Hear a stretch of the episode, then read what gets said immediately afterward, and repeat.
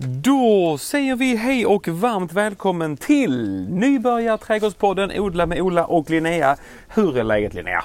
Det är jättebra tack. Hur är det med dig? Jo det är så himla bra, kul att du frågar mig. Jag har ju varit på den här shiitake svampodlingslägret i eh, Skånes, eh, kanske hela Sveriges eh, Tokyo Perstorp igår. Wow. Här har vi alltså en plastpåse full, full med, nu är det här ostronskivling eh, mykorrhiza blandat med eh, nykokat eh, hö. Vad tror du om det? Jag tror att det kan bli jättehäftigt.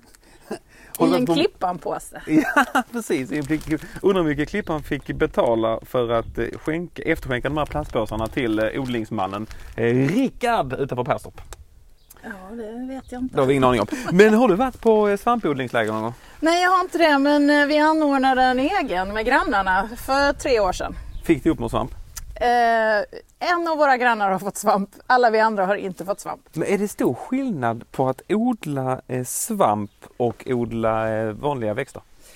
Nej, det skulle jag inte säga. Men eh, jag har ju inte så mycket erfarenhet i det så att man glömmer lätt på... Alltså, vi använder oss av stockar som vi satte mycel i. Eh, och de ska ju då eh, blötas lite då och då och det har vi ju glömt bort. Ja. Så att de har förmodligen bara torkat bort. Det är du- Ska vi köra en svampodlingsspecial i Odla med Ola och Linnea? Ja, om vi kan få hit en expert.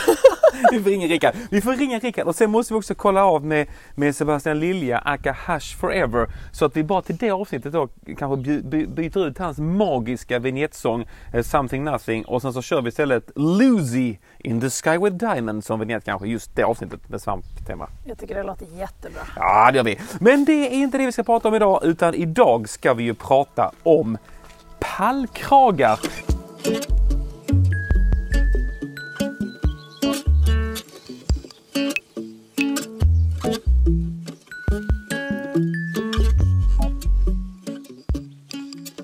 Som alla vet så finns det ju tre olika sorters kragar. Eh, det finns ju aluminiumfoliesolkrage, eh, pallkrage och vanliga kragar. Och idag ska vi prata om den i mitten, nämligen pallkragen.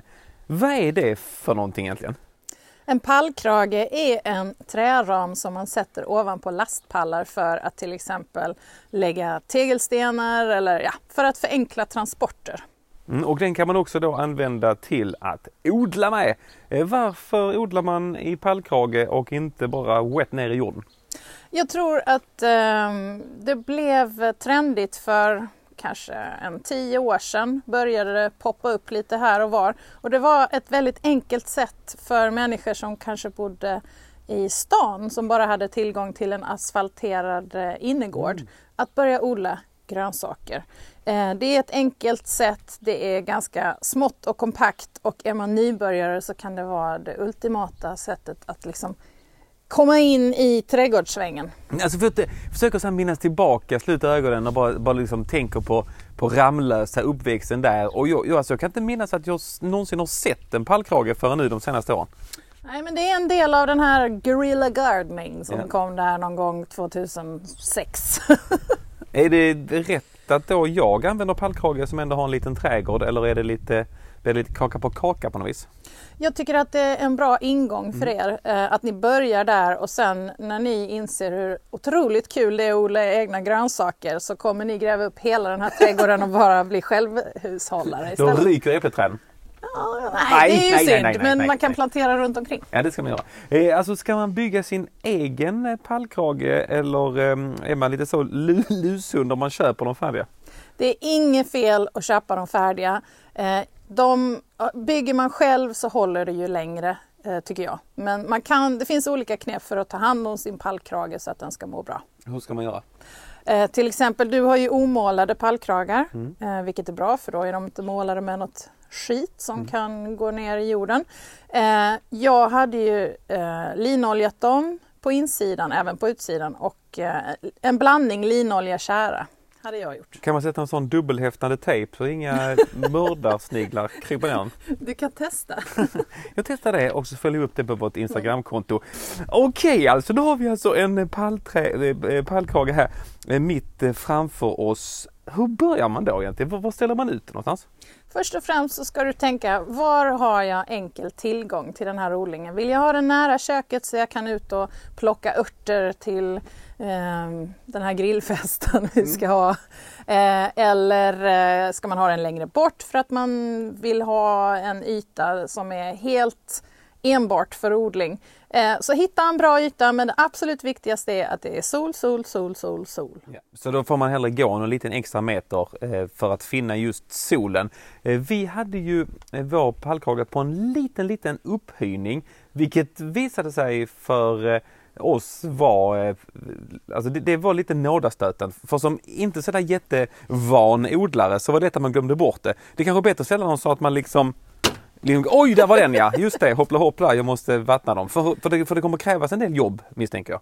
Ja, det gör det. Mm, och det är jättebra att du tänker så, att ha dem nära så att, du, eh, att det inte blir jobbigt. För att som du säger, ovana odlare, det är ofta så att man tänker att nej, jag tar det imorgon och så glömmer man bort det. Så att står den eh, tillgängligt där du inte behöver ta den. Jag menar jag har ju mer än 200 meter till mitt köksland och det är ibland att jag skiter i att gå dit. Sen bor du också i ett slott? Nej. Men eh, precis som du säger, det är jätteviktigt att ha det så att du faktiskt kommer använda det och att du faktiskt kommer skörda. Mm. Oh, det längtar man till redan nu. Mm. Eh, kan man använda den jorden som vi hade förra året som nu har blivit bevuxen av blandat ogräs och gräs. Går det bara att använda, bara liksom böka runt där och köra på igen eller behöver man köpa ny jord från förra året? Jag tycker att vi tar den gamla jorden. Vi försöker rensa bort så mycket ogräs som möjligt och så blandar vi den med den nyinköpta jorden. Ja. Ska man, innan man gör det, ska man stoppa någonting i botten eller är det bara att ställa pallkragen rakt på ytan och köra igång? Vi behöver ställa, alltså det är lite beroende på, hade det varit i en gräsmatta så skulle du ju egentligen kunna eh, hälla på jorden direkt på. Men i och med att detta är en yta som eventuellt kanske ska bli någonting annat någon gång mm. så kan det vara skönt att kunna ha jorden samlat i pallkragen. Så därför kommer vi sätta en markduk. Och markduken skyddar ju också lite pallkragen från förruttnelse. Yeah. Kan man ha, om man inte har någon, eh, någon markduk, kan man ta en vanlig gammal duk? Eller funkar det? Alltså egentligen gör det ju det, bara det släpper igenom vatten. Ja, vattnet ska inte stanna kvar i pallkragen. Nej, då kommer allting ruttna. Ja, då blir det mer som en slags näckrosodling. Det vill vi inte ha. Eh, ska vi ta tag i det?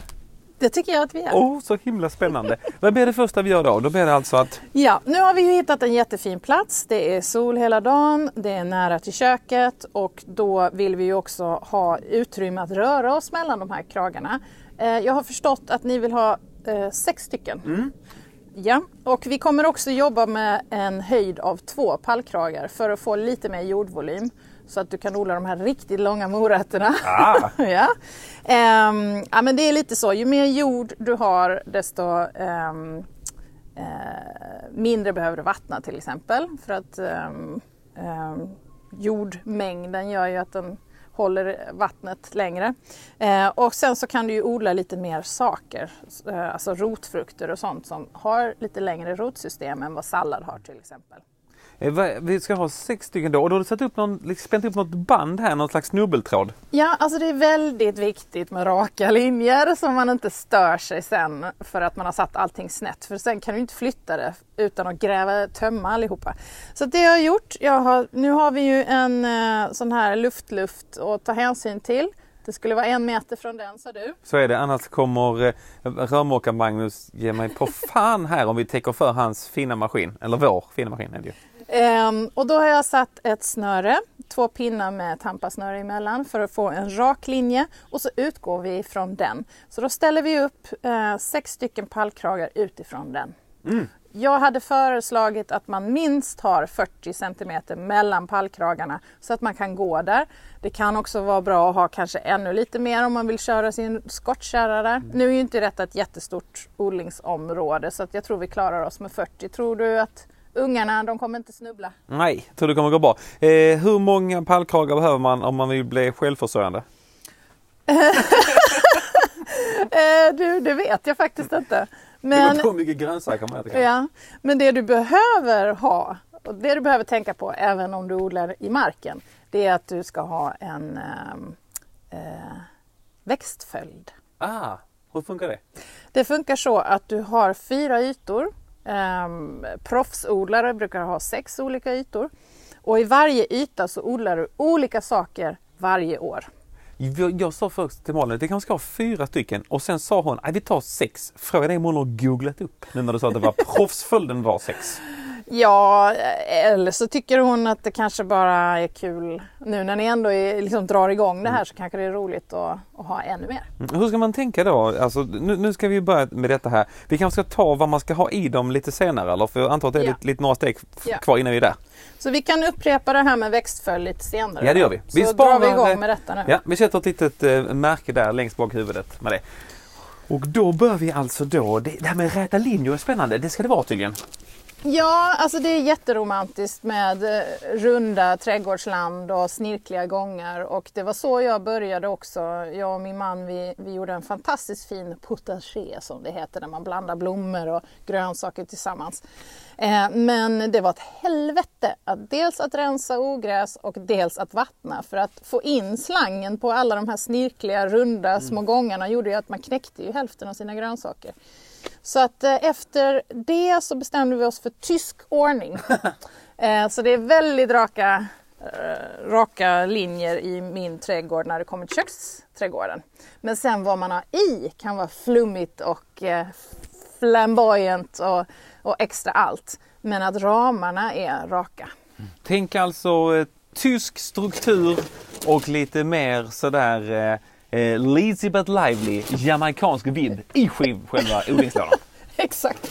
Nu eh, har vi ju då trädgårdsmästarens andra viktiga eh, reds, eller verktyg är ju då tumstocken som vi kommer att prata mycket om. Eh, jag sätter den mellan två pallkragar eh, så att vi får 40 eh, centimeter emellan så att vi skapar en gång. Ska man lägga ut någonting där direkt den gången så att det inte blir massa ogräs där? Eh, det kan du göra. Du skulle kunna se, alltså det finns väl, finns det inte någon eh, lite bönder längre in från kusten här som du skulle kunna fråga om de har halm eller gammal ensilage som du kan lägga. Om du inte vill lägga bark eller något sånt. Man kan lägga trasmattor också för att dämpa ogräset. Det har vi gjort hemma och det blir väldigt fint. Och trasmattan den blir ju till slut ett med jorden. Det är, slipper något till tippen. Bara lägga Ja. ut den och så låtsas man ja men jag tänkte ha den där och sen så försvinner den av sig själv. Eh, vi har ju sjukt mycket tegelsten. Är det, kan, är det bra eller är det dumt? Nej, det hade varit jättefint om du vet att tegelstenen är eh, marktegelsten. För att annars kommer den eventuellt eh, frysa sönder på vintern. Nej, då får vi nog skippa den i den. Nu Du- vänder jag på den här. Du hade satt taggar, äh, de här små metallbitarna, vad heter det? Metallfästena uppåt. Men de kan man ju skada sig på. Ah. Så att de vill vi ha neråt. Mhm. Eh, Taggarna neråt och sen är det bara att trycka ner dem i jorden. Eh, Och du trycker ner dem innan du lägger ut eh, markväven. Ja, för att den kommer vara i, eh, i lådan istället. Så. Går det? Den kommer bra. Det går bra. Jag ska hjälpa dig. Upp! Det går bra, det går bra, det går bra. Här har vi den. Där är vi ju på gång med det. Så.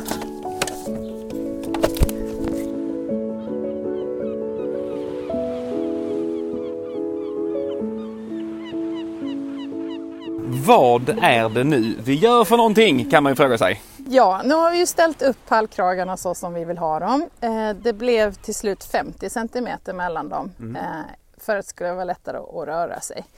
Eh, vi har ställt två pallkragar på varandra och nu håller vi på att eh, täcka insidan med en markduk så att inte jordet, eh, jorden och vattnet sipprar ut mellan springorna. Mm. Det och, och också då som du sa lite grann för att skydda pallkragen? Ja, så det att det gör blir fukt direkt på. Ja, Och alltså, bot- det blir ju fukt men det ligger inte jord direkt på Nej. så de får lite längre livslängd. Eh, och i botten där så la vi då eh, tidningar. Ja. Varför gjorde vi det? Eh, därför tidningar förmultnar ju efterhand. Så skulle det vara något ogräs i botten av eh, där vi har ställt pallkragarna så eh, kommer det förs- försvinna eh, med hjälp av tidningarna. Men sen försvinner också tidningarna till slut. Ja, där har vi det. Och nu ska vi skjuta fast det sista här. Två skott på det. Och då äntligen ska vi börja med odlingen.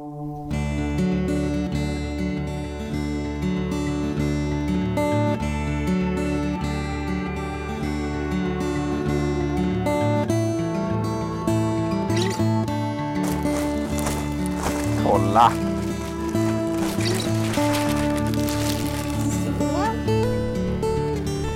Jag tror att vi ska Nu kör jag en till.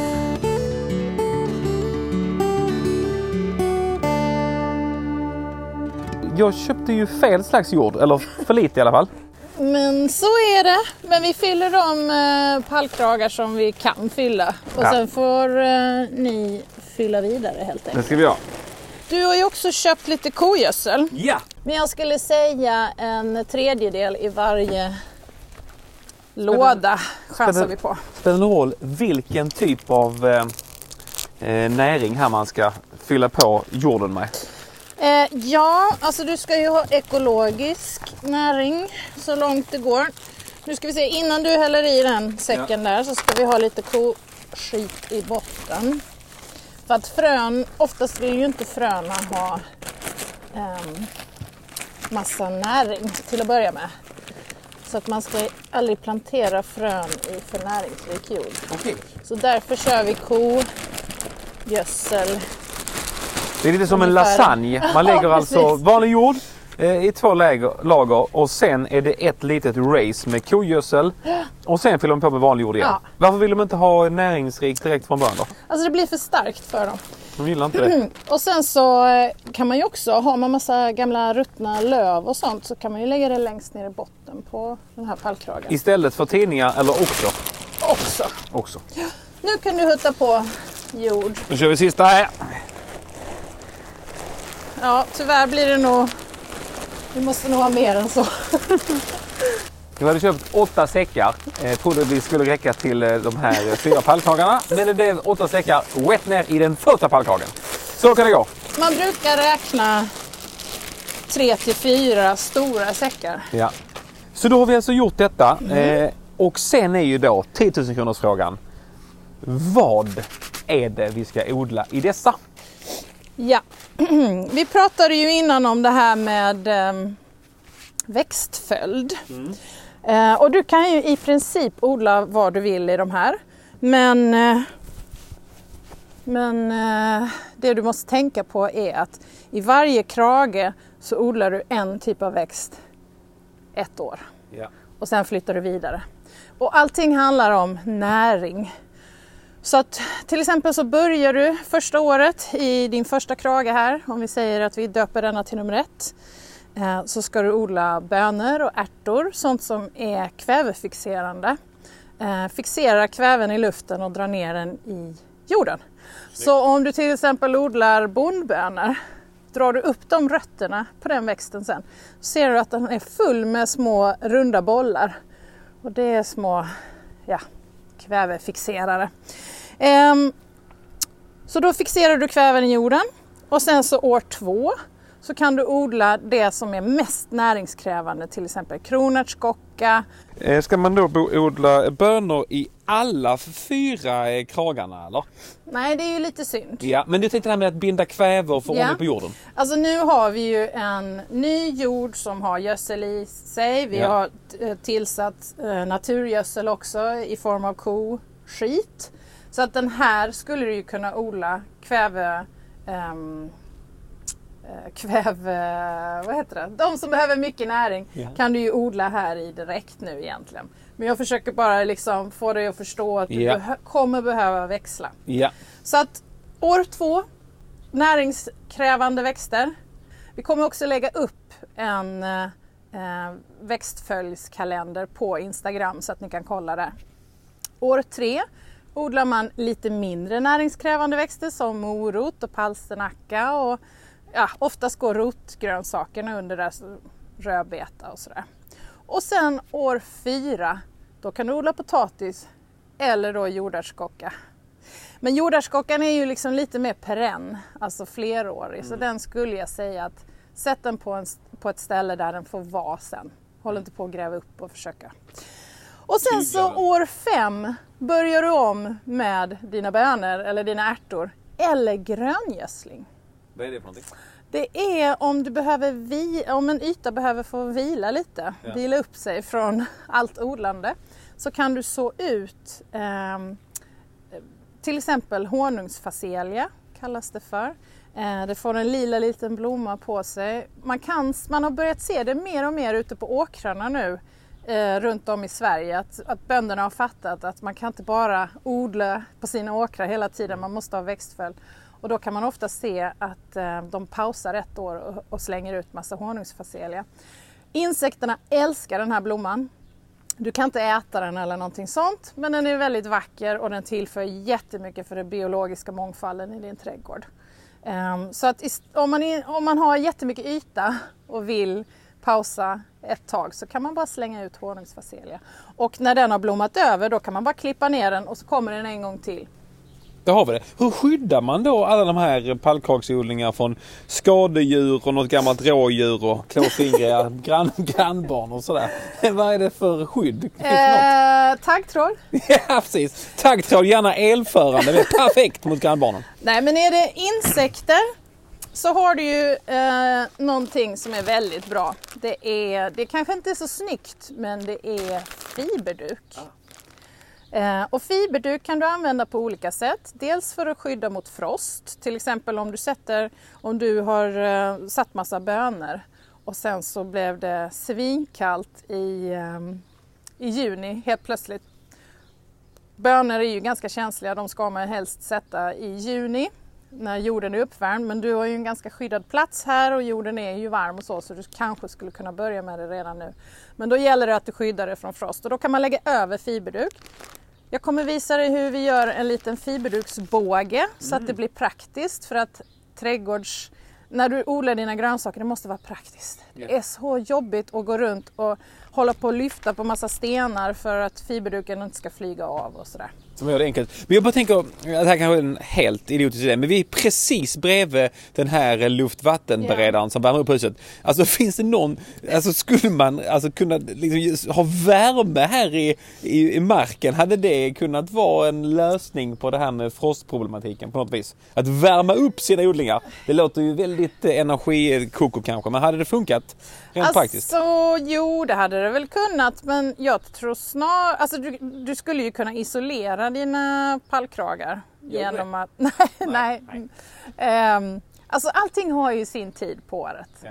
Och eh, jag tror snarare att ni i så fall, om du vill ha odling året runt så ska du istället satsa på ett orangeri eller ett växthus. Och då kan du ju odla lite gröna blad och sånt. Man kan ju även göra det i en varmbänk. Eh, då kan du ta en pallkrage som du fyller med, med eh, färsk hästskit. Sen jord ovanpå det. Sen sår du dina olika bladgrönsaker som pak choi och tatsoi och misuna och sådär. Och sen så skyddar man hela eh, åbäket med massa halm och så för att få upp värmen och då kan du få grönsaker mycket tidigare. Men jag tror sådana här pallkragar ska du bara liksom, när säsongen är över så är säsongen Ja. över.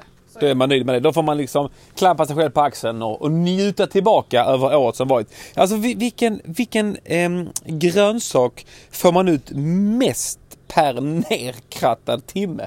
Finns det någon som är det här lätt, mest lättskötta som ändå är, är det det lilla smultronet eller är det potatisen eller vad det är mest eh, per timme jobb?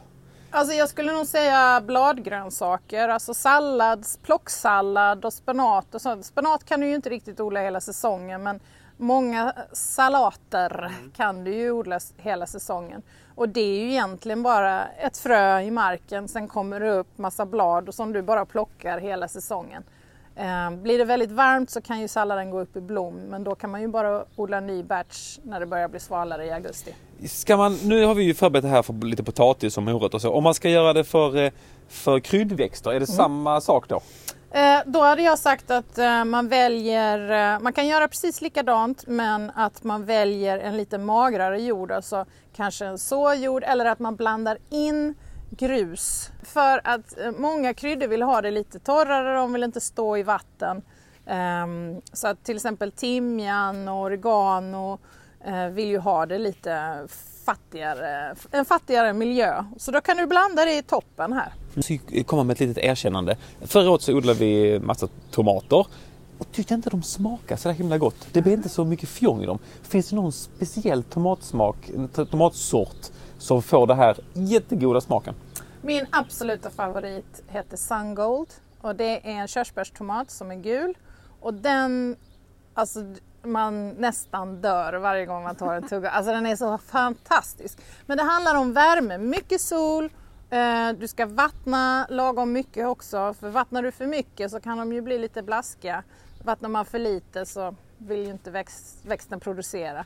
Men det handlar också om att tomatplantor, det är ju nästan ett avsnitt för sig. Men det handlar om att man ska ta tjuvarna på mm. växten så att de inte tar energin från att producera tomater och sådär. Ja, vi sparar eh, tomatfrågorna till senare avsnitt eh, och konstaterar att det kanske inte bara var tomatsortens fel utan då jag som vattnade för mycket eller för lite. Sista frågan bara på temat odlingslådor. Hur ofta eh, bör man vattna lådorna? Eh, det beror ju helt på hur mycket nederbörd du har. Just det. Sen kan man inte räkna med, bara för att det regnar en timme så betyder inte det att, eh, att du har fått tillräckligt med vatten. Så det är väldigt bra och jag såg att du hade en sån här regnmätare i mm. trädgården. Ställ den här vid eh, pallkragarna så har du koll på hur mycket vatten de får. Även om du står och vattnar för hand så kommer ju även regnmätaren få lite vatten i sig så då kan man också se att oh ja men det blev 4 millimeter eller vad det nu är man mäter i. Alltså nu när vi börjar eh, glida ner här och gotta in oss jorden så är man ju lite nyfiken på vad det kan finnas för små krabater här nere. Jag tänker till exempel en sån som gråsuggan. Är det, alltså den är ju kul att se och den är fin när det blir boll och sådär. Är den nyttig för själva trädgården? Ja, alltså den lever ju på, på uh, växtrester. Så uh, den hjälper ju till med den här processen att bryta ner organiskt material till jord. Så de behövs ju lika mycket som masken så behöver vi gråsuggorna. Var, var trivs de bäst någonstans? Fuktiga, mörka små krypin. Eh, och eh, det är ofta så att, att man ska vara lite försiktig med att eh, så att de inte blir uttorkade. Ehm, så att om man upptäcker att de kanske, ja men det, jag läste någonstans på nätet att folk klagar på att de får in dem i huset och så men där, det är ju inte ett ställe de trivs på så oftast är det inte ett stort problem. Men man ska alltid vara försiktig med dem i alla fall så hittar man dem så ska man helst låta dem vara. Och om de är där de inte ska vara då får man eh, kanske flytta dem och sätta dem på ett annat ställe som är mörkt och fuktigt. För de är nyttiga för trädgården. Så på, på frågan eh, eh, gråsuga, eh, friends or not friend, så är man alltså helt enkelt en friend. En friend. En tydlig vän för, eh, för eh, grönsakslandet. Ska vi unna oss att lära oss ett litet, litet fågelljud också när vi ändå håller på? Det tycker jag. Vi gör det va? Vi har ju på temat repetition är lärdomens moder lärt oss gråsparv, blåmes och nu tänkte vi kasta oss ut och bara precis ta in ljudet av den gamle domherren. Varsågoda.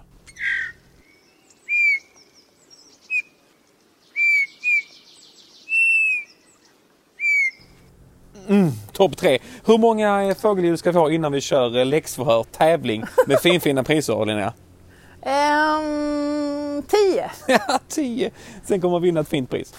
Du stoppar in det. Vi har ju faktiskt fått en hel del frågor in till eh, odla med Ola och Linnea at gmail.com. Går också bra att skicka in via vårt Instagram såklart. Ska vi bara sätta oss, eh, unna oss ett litet eh, glas eh, eh saft och svara på de frågorna?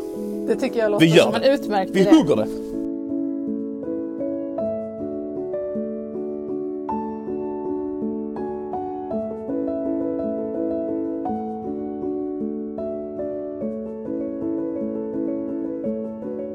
Då är vi alltså inne i fråga svar-delen. Det är ju det är en av mina absoluta favoritdelar av det här poddnjutandet. Så sitter vi här vid det här lilla bordet och, och kaffe och du har också bjudit på eh, raw vad heter det? Raw food-bollar. Raw food-bollar. Väldigt goda. Vad var det i dem för något smaskigt? Det var kokosolja, kakao, eh, mandel, dadlar, jordnötssmör och lite salt. Mm. Vi har fått en fråga av till exempel Fredrik på skivhörnan. Han på, på go här med detta, det gillar Ja, vi. det är härligt. Det är han med huset söder om Söder, eh, fint ska det vara temat. Eh, som har ett eh, fullstort träd passerat väldigt nära fasaden på det nyköpta huset.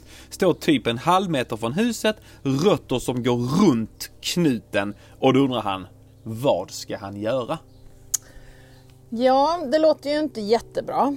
Eh, först och främst ska han ju kolla om det har påverkat husgrunden på något vis. Han, om han har en källare kan han ju ner och se där om det har blivit sprickor på något vis. Ehm, om det inte har det så Alltså det är klart att den skulle kunna växa i symbios med huset där forever men det är lite riskabelt och med tanke på em, om han någonsin skulle vilja sälja huset och så så kan det ju minska priset eftersom det är ett problem. Så tipset här till Fredrik från Odla med Ola och Linnea-podden är alltså Sälj huset innan det är för sent. Precis. Men jag kan också passa på att säga, som pil är ju en sån, eh, det är många som vill göra pilekojor till Ja. sina barn i trädgården.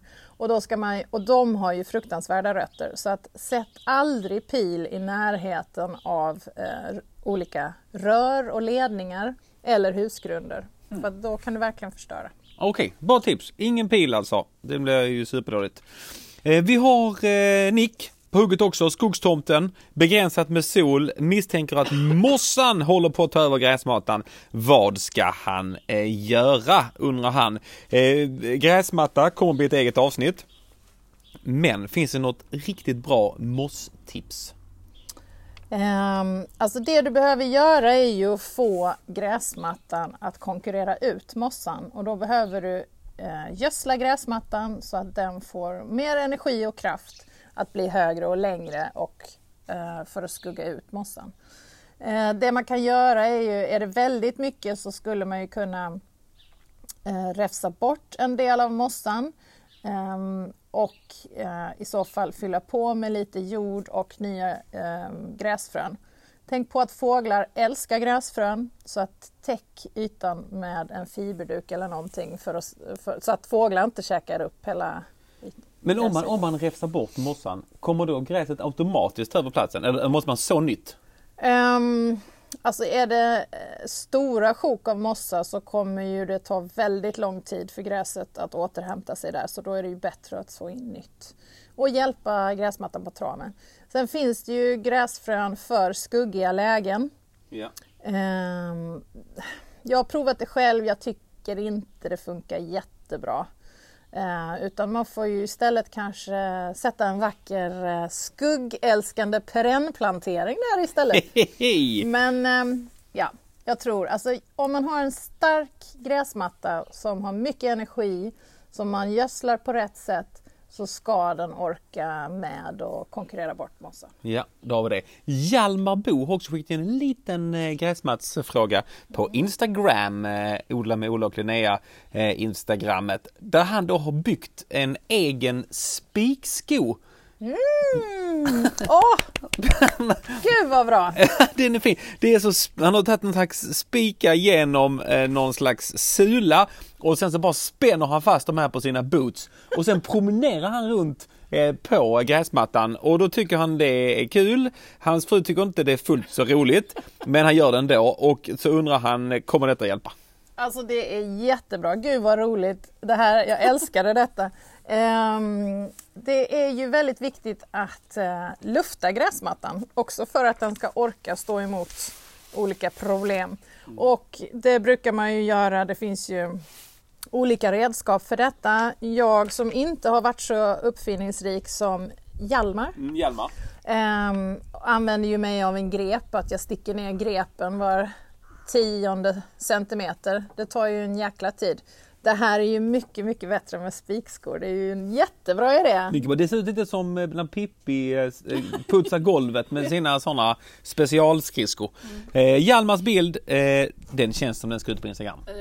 Inspirera folket till Ja. att eh, kombinera spikskor med eh, gräsmattshantering. Nu kommer det komma en, en känslig fråga här Linnea, så jag tror du ska ta två djupa.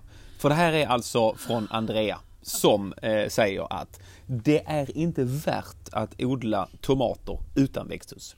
Jag minns förra året hur jag vattnade som en galning från maj till augusti och så kom det 20 tomater eh, lagom till kräftskivan sent i augusti.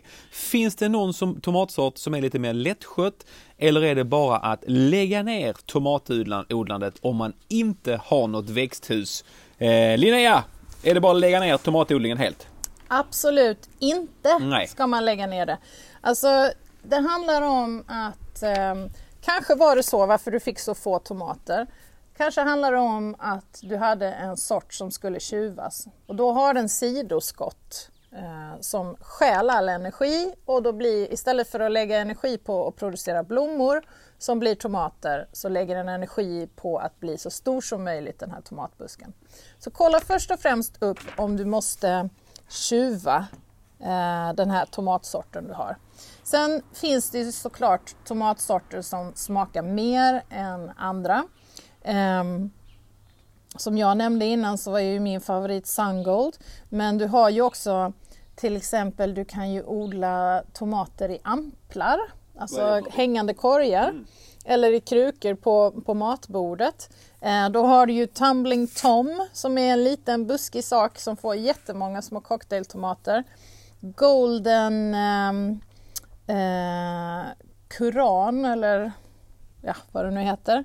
Eh, den får gula små körsbärstomater och sen så har du en som heter Tiny Tim som också får små, små tomater i, i, som du kan ha på en kruka på eh, terrassen eller på matbordet eller i en korg som hänger.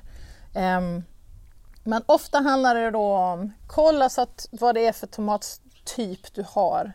Behöver den tjuvas så är det problemet. Annars så handlar det om eh, att du måste gödsla. Vallörtsvatten, främja blomning. Det kan du göra om du går ut och plockar vallört i naturen. Gör precis samma som med nässelvatten, att man lägger i en hink, häller på varmt vatten, låter stå en vecka och sen så tar du en del vallörts, vallörtsvatten, en del, eller tio delar eh, vatten och så gödslar du med det. Samma som guldvattnet. Ja, precis. Guldvatten kan du ju också använda. Men inte precis innan du skördar. Inte precis innan du skördar. Nej, du ska ju alltid tvätta ja. Dina grönsaker. För annars kan det bli lite sådär. Vi, vi hängde upp, på att hänga upp tomater, så, så satte vi upp jordgubbar på vårt lilla plank in här till grannen förra året och skulle ha någon sån härlig, eh, tänkte vi, liksom hängande jordgubbar ner där. Det gick inte alls. Det blev katastrof. Jag tror inte vi fick en enda jordgubbe. Blev det för varmt där mot planket en bit upp eller är det för lite jord kanske? Jag tror, eh, alltså man ska ju kunna odla jordgubbar i balkonglådor ja. men eh, jag ser ju lådan där. Jag tror det är nog en kombination. Att det har varit för varmt, eh, man kanske har glömt att vattna lite då och då eh, och eh, för lite jord. Jag hade satt, alltså vill man ha jordgubbar så ska man ju helst ha dem, kanske i en pallkrage som vi har hållit på med nu under dagen här. Ja. Rookie Mistake från Selmén Bergendals. Per-Ola, han undrade. Eh, lyssnade på det här med häcken eh, och undrar på tema häck och träd i största allmänhet. Eh, det här med att eh, klippa vid speciella tidpunkter. Är det inte hittepå? Om det står en buske i skogen och så kommer det ett rådjur och äter ett par grenar, då dör väl inte trädet? Eller? Hur är det med det där egentligen? Alltså skulle den äta ett par grenar så dör ju inte trädet men eh, det kan ju eh, skada det så att det inte så att det kommer in sjukdomar i trädet och så dör trädet på grund av det. Ehm, ja, det finns regler ehm, därför att man har gjort massa forskning på träd hur de, hur de fungerar och vissa träd är blödare som körsbär till exempel och då ska man inte beskära dem på vintern för det är då de blöder som mest. Och det kan ju bli stora infektionsytor om man beskär ett träd, ehm, ett körsbär på vintern för att den kan inte läka sig. Mm. Um, och de flesta träd ska man ju ta under JAS då, juli, augusti, september. Men nere i södra delarna av Sverige så gäller ju det fram till november. Ja. Um, därför att det är ju, ja, Det är klart att man kan göra på annat vis men om man vill vara schysst mot trädet så ska man ju kanske följa de här eh, råden som människor ändå har forskat fram att det är bäst. Vi rekommenderar både människor och djur Ja. att eh, hålla sig till JAS eh, plus minus någon månad då i den skånska myllan. Matilda Svensson eh, funderar på temat Vad är ogräs? Ja, Det är ju en stor fråga. det är en väldigt stor fråga och då ska jag bli lite Ja. filosofisk. Vänta, vänta, nu jag bara luta mig tillbaka. Så, ge mig åt nu. Okej, då säger jag så här.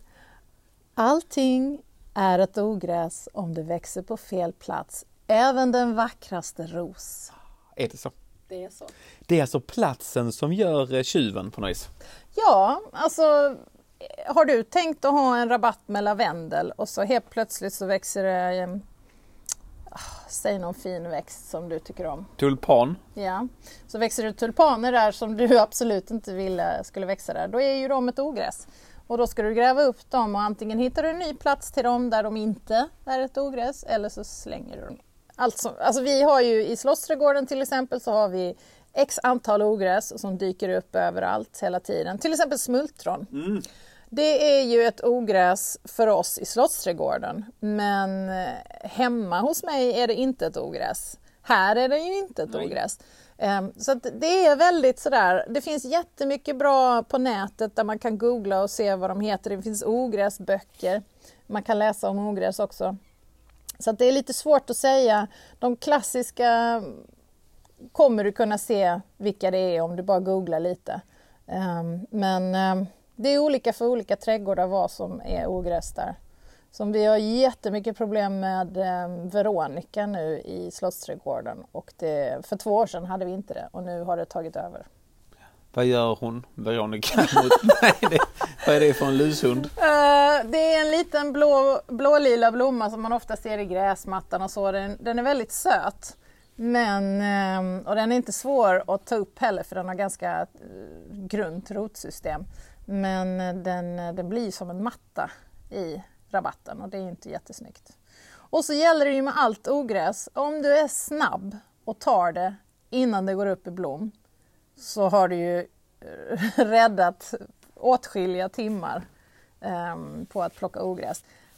Så att man inte ehm, låter ogräsen gå upp i blom för då har du ju det överallt sen. Eh, nu är vi går för idag och vi tackar ju dig ödmjukast, eh, du som har lyssnat på det här avsnittet. Eh, och vi som tackar heter... Linnea, och vi ska ju prata om vad som händer nästa gång. Ja precis, nu tänkte jag att vi skulle säga vad vi hette och sen Ja, tänkte jag att vi säger det sist.